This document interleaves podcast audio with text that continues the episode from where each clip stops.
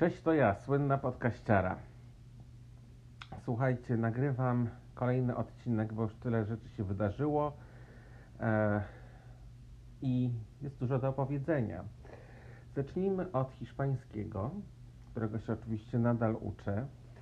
No więc słuchajcie, uczę się i uczę i uczę i uczę. Kiedy minęły prawie dwa miesiące, e, miałem egzamin, do którego się bardzo e, przygotowywaliśmy.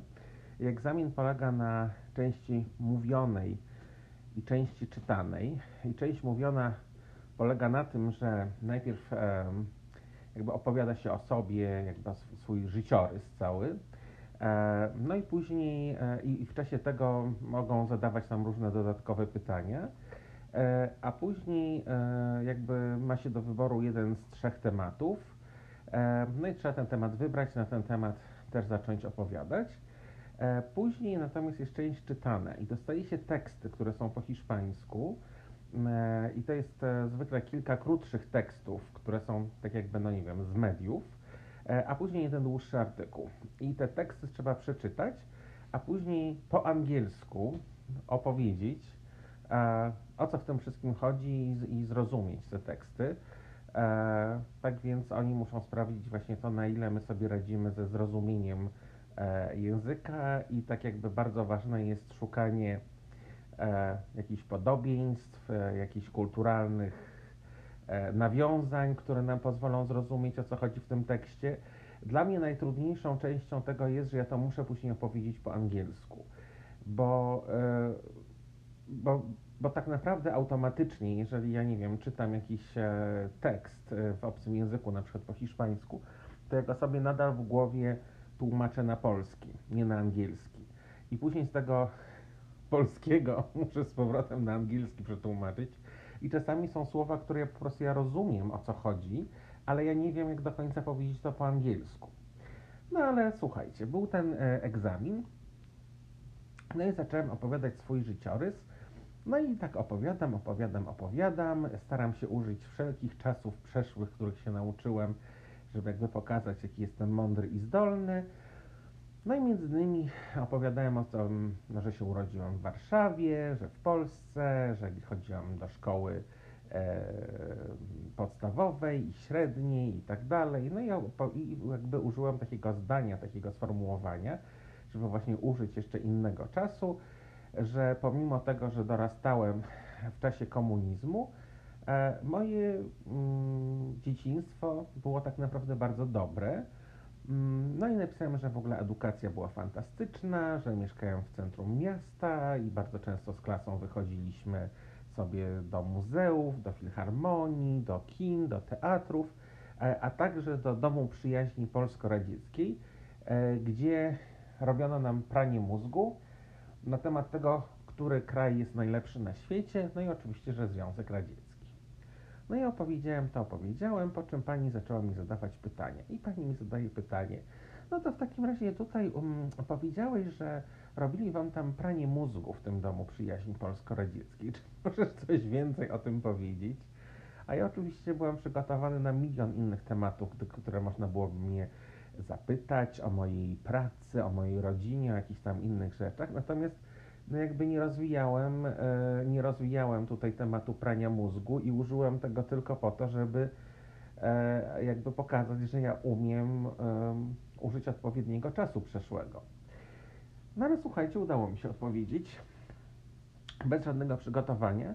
E, no i później pani powiedziała mi, która była moją testerką, że, yy, że była po prostu pod ogromnym wrażeniem, że byłem w stanie to opowiedzieć i że, i że naprawdę, yy, znaczy ona wie, że ja nie byłem na to przygotowany i ona chciała tylko zobaczyć, gdzie jest moja jakby górna granica i tak naprawdę ta granica była wysoko, więc bardzo mnie to, cieszy, mnie to ucieszyło. No i później się okazało, że dostałem poziom 2-2, dwa z czytania, dwa z, z mówienia. E, I to tak naprawdę jest bardzo dobry poziom, ponieważ no jakby zaczyna się od zera. A poziom, który oczekują od nas, żebyśmy osiągnęli po e, 6 miesiącach, to znaczy oczekują to od naszych mężów, dyplomatów, którzy jadą do pracy i oni to po prostu muszą, to jest jakby wymaganie do pracy, żeby mogli pojechać pracować, to jest poziom 3-3. e, a po tych pierwszych dwóch miesiącach to jest 1, 1, ewentualnie 1 plus, 1 plus. Więc ja po prostu absolutnie jakby przekroczyłem te granice i bardzo mnie to ucieszyło. Ale w związku z tym, że byłem taki świetny, no i moja koleżanka Amra z Bośni i Hercegowiny też była taka sama świetna, e, to y, okazało się, że po tych dwóch miesiącach przechodzimy do nowej klasy. No i przechodzimy do nowej klasy i będziemy z innymi studentami i będziemy ze studentami, którzy są jakby, no to oni, to nie są, oni nie są żonami, mężami, tylko to oni są tymi dyplomatami, którym, którzy będą pracować. No i okazało się, że jestem z dwoma nowymi studentami w klasie i wyobraźcie sobie, że jedna to jest laska, która pracowała wcześniej w Korpusie Pokoju w Boliwii przez 3 lata i ona praktycznie mówi po hiszpańsku, oraz koleś, który się urodził w Meksyku i wychował w meksykańskiej rodzinie w Chicago, więc też mówi po Meksyku. Więc pierwszy moment i w ogóle pierwszy, pierwsza godzina lekcyjna, to ja byłem lekko załamany i zestresowany, bo sobie myślę, gdzie ja tutaj dziadówka z Polski po prostu po dwóch miesiącach nauki po prostu z takimi ludźmi. Ale okazało się, że słuchajcie, cudownie sobie daje radę. E, I później rozmawiałem z naszą nową panią profesor, o której za chwilę. I jakby też jej powiedziałem, że jakby mam takie wątpliwości, że e, czy ja tak sobie dam radę w takiej klasie i w ogóle z takimi studentami. Ona mówi, słuchaj, dla mnie w tej chwili ty jesteś numerem jeden. I mówi, nie przejmuj się, bo oni e, jakby nie znają zasad tego, jak tutaj się w tym tej Foreign Service Institute poruszać, a po drugie, oni przez lata nauczyli się dużo błędów i jest dużo trudniej wyplenić błędy, niż nauczyć się czegoś od nowa i to po prostu się nie przejmuj, więc się nie przejmuje. Nasza nowa profesorka nazywa się Angela, Aniela, zupełnie jak moja mama. Ma 68 lat, czyli moja mama, gdyby żyła nadal, to miałaby 69, więc w zasadzie jest taką trochę moją mamą. Pochodzi z Nikaragui i jest po prostu niesamowicie inteligentna, wykształcona, obyta światowa kobieta. Znaczy, e, ja jestem pod ogromnym wrażeniem takiego, wiesz, wiecie, takiej erudycji i, i, i jest to ogromna przyjemność dyskutowania z kimś takim. I w ogóle, mm, kiedy wcześniej, jakby zanim jeszcze przed tym egzaminem, ja rozmawiałem z moją poprzednią profesorką, to ona taka była, taka, ja czułem, że ona tak nie do końca, bo, ona, bo ja na przykład jej powiedziałem, że ja nienawidzę robić prac domowych i ja po prostu nie lubię tego robić. E, I ona taka chyba była zawsze zła, że ja taki jestem tutaj strasznie, że nie jestem taki strasznie pracowity. Ale ja od podstawówki tam po prostu, jak moja mama szła na wywiadówkę, to jedyne zastrzeżenia to były, że jest zdolny, ale leniwy. No ale ja się urodziłem w niedzielę, więc nie mogę na to nic poradzić. No i, yy, i więc ta moja poprzednia profesorka to tak mówiła mi, że ale no teraz jak już będziesz, jak się zdecydujesz kontynuować ten program, będzie ciężko, trudno, trzeba będzie się ciągle uczyć i w ogóle czy ty jesteś na to gotowy. Powiedziałem, no spróbuję, zobaczę, jak mi się nie będzie podobało, to zawsze mogę zrezygnować. A się okazało, że tak naprawdę, powiem Wam szczerze, że czuję się, że mam teraz w ogóle dużo mniej pracy. E, mam e, dużo mniej prac domowych, więc to jest w ogóle super, a często jest w ogóle, że nie mam żadnej pracy domowej. I tak naprawdę to też polega na tym, że do tego momentu, żeby osiągnąć ten poziom 2.2, to się bardzo dużą uwagę przykłada do gramatyki, której ja ogólnie nie lubię. Dla mnie najgorszą książką w liceum, jaka istniała, to była książka do niemieckiego Grammatik, kein Problem. Nienawidziłem tej książki po prostu szczerze. No i teraz jest naprawdę dużo mniej gramatyki. Znaczy jakby też o tym rozmawiamy, jakby uczymy się jak użyć jakby odpowiednich sformułowań i właśnie nadal nad tymi różnymi czasami, kiedy taki, kiedy sraki, a kiedy jeszcze owaki. Yy, ale teraz jakby, żeby osiągnąć ten poziom 3.3, to polega to na tym, żeby nasze rozmowy były na dużo bardziej, znaczy żebyśmy używali dużo bardziej bogatego słownictwa e, i mogli rozmawiać na takie dużo bardziej wyszukane i wysublimowane tematy. Tak więc my na przykład właśnie e, nie rozmawiamy na temat tego, jaka pogoda była dzisiaj, chociaż no czasami jakby rozmawiamy na temat tego, co było wczoraj, co będzie w weekend, e, ale, e, ale ogólnie to są tematy typu na przykład pomoc Stanów Zjednoczonych dla krajów rozwijających się, albo jakie problemy jakie problemy e, występują wśród krajów rozwijających się na afrykańskim kontynencie. No i takie w ogóle prowadzimy straszne rozmowy. E, I oczywiście, że tematy ekonomiczne to nie są dla mnie najciekawsze i najważniejsze, ale zawsze mam coś do powiedzenia. Więc to jest fajne i myślę, że też jakby to, co ja mówię, tej naszej profesorce się też bardzo podoba. Bo książka, której używamy, to jest taka książka, która jakby została to specjalnie napisana dla tego instytutu i dla dyplomatów.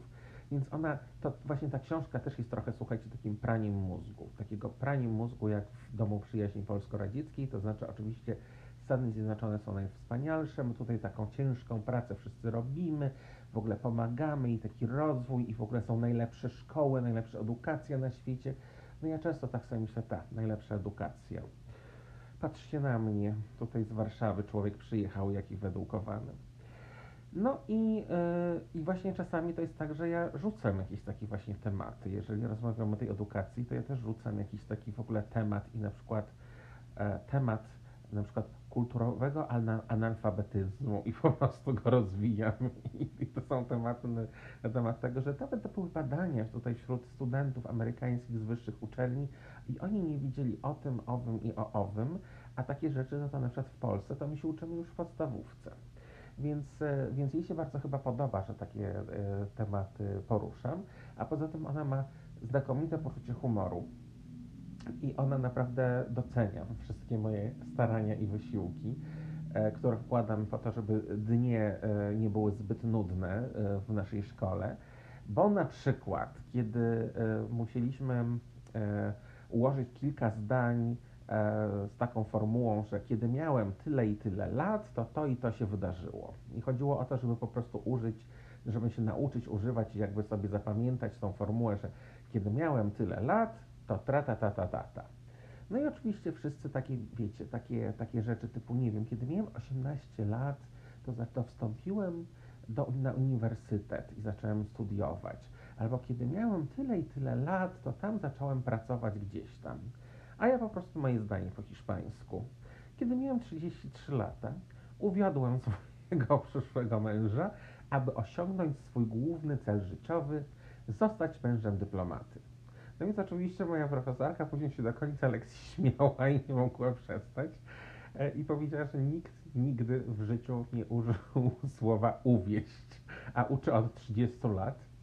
E, I, I docenia to, więc to mi się bardzo podoba. Ja też jakby użyłem jeszcze takiego, bo mamy, mamy w tej książce, o której się uczymy, jest taka Monika, której oczywiście wszyscy nienawidzimy, bo Monika to jest taka, wiecie, taka pracowita, najlepsza po prostu tutaj dyplomatka, ona się w ogóle uczy, ona pomaga, ona taką w ogóle karierę i ona ciągle tylko opowiada, ile ona się nie uczy i jak to gdzie idzie i gdzie się dodatkowo jeszcze rozmawia, że jak idzie do marketu latynoamerykańskiego, to rozmawia z kasjerkami i o ich życiu i o wszystkim i ona tak się uczy, uczy, ciągle uczy i po prostu jej nienawidzimy.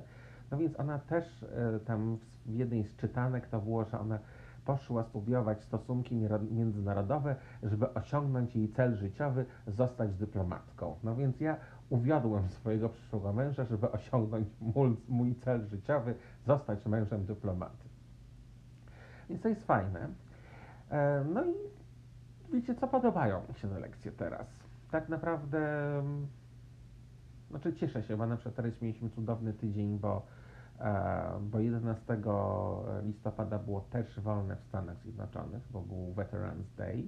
Później w piątek mieliśmy jakiś tam, nie wiem, coś tam się działo i, nie było lekcji, więc miałem teraz taki e, trzydniowy weekend i tak naprawdę bardzo cieszę się, kiedy jest wolne, ale z drugiej strony, kiedy muszę iść na te lekcje i siedzieć przed moim iPadem i po prostu rozłożony na łóżku i słuchać, to ogólnie mi to jakoś strasznie nie przeszkadza.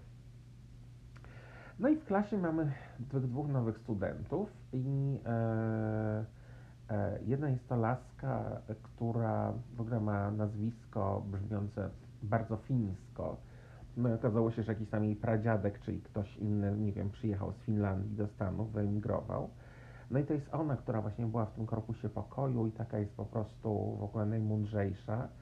Um, jak ona zaczyna coś mówić i robić jakieś prezentacje, to my już po prostu włączamy stopery i po prostu odliczamy czas, że kiedy minie po prostu półtorej godziny i ona wreszcie skończy mówić, bo ona by tylko mówiła i mówiła i mówiła i mówiła.